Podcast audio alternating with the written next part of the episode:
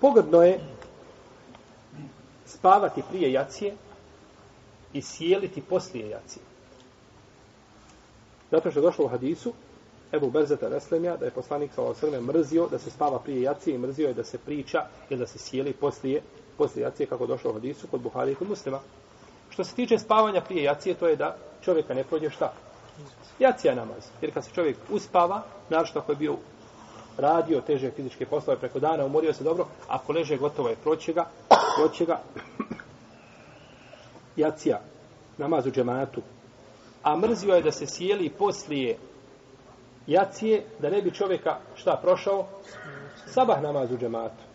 Da ne bi čovjeka prošao sabah namaz u džematu. I, e, ili eventualno da ga ne bi promašio kijamu lejl, ako je naučio, iako mu je običaj da klanja noći namaz. I zato nama kaže da bi sebi čovjek pomogao da ustane na kijamu lejl ili na sabah namaz, neka spava, neka hajluli, neka spava hajluli. Jer ponekad je noć kratka, našto u ljetnom periodu, kada se puno radi, jacija kas, kasno, sabah rano, onda je lijepo i pohvalno čovjeku radi njegove vjere da ospava kajlulu. I braći, u tome slučaju kad čovjek spava na takav način kajlula, kajlula biva ibadet. Ibadet. Spavaš, Allah ti piše dobra djela. Zašto? Zato što sam legao spavati da bi šta? Da bi ustao, da bi ojačao svoje tijelo. Da jedeš, da piješ, da bi ojačao svoje tijelo za ibadet, moraš imati nadu od Allaha te barake i tako dalje.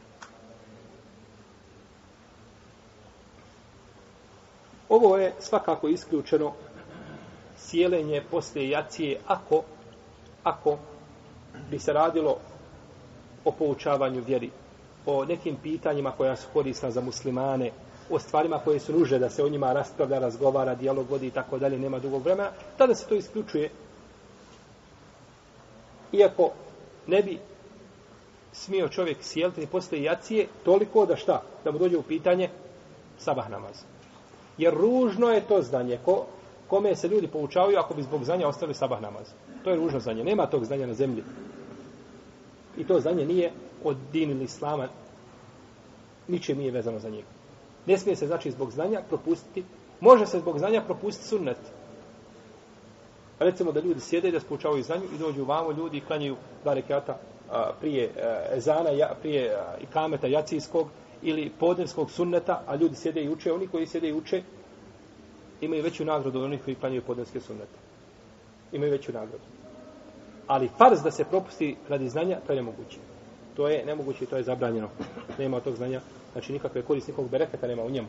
I imam tirmizi u svome sunenu sa prekinutim lancem prenosilaca, da je poslanik sallallahu sallam sjedio sa Ebu Bekrom i Omerom i dogovarao se nešto, nešto u vezi muslimana i hala i stanja muslimana, no međutim imaju predaje koje podupiru značenje, koje podupiru značenje ove verzije.